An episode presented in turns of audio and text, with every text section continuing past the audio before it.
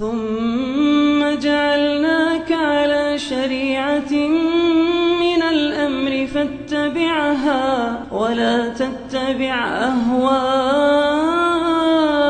الذين لا يعلمون Ini sering ada salah paham ya di pembahasan ria. Kalau ada yang ditanya, ria itu hukumnya apa? Syirik as, syirik akbar atau syirik asgar? Ya, kebanyakan kita akan menjawab syirik apa?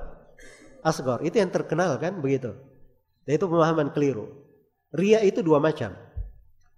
Ada ria syirik akbar. Ini ria pada kaum munafik ini yang saya baca tadi. Yura'unan nasa.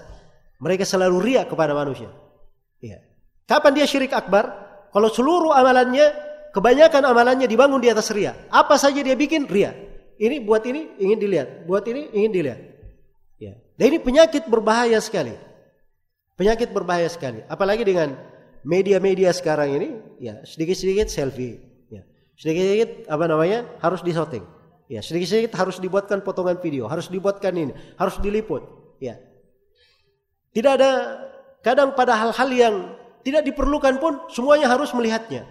Kalau amalannya dia biasakan seperti itu, ya, tidak dia jaga, ya, amalan-amalannya tersebut, maka ini bisa memasukkannya ke dalam apa? Riaknya kaum munafikin. Nasallallahu alafiyah. Jelas ya?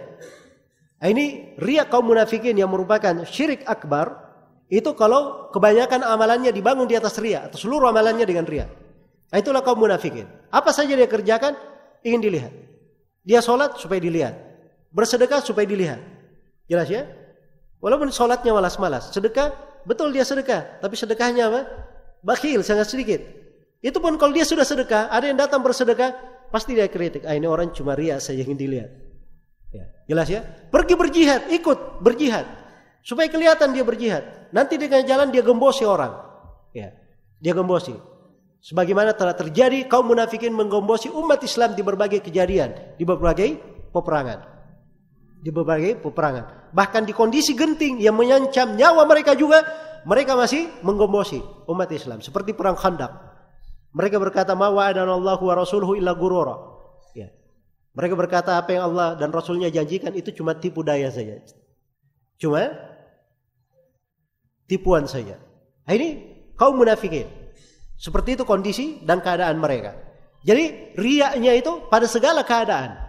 Nah, ria yang syirik asgar itu, itu ria pada sebagian amalan.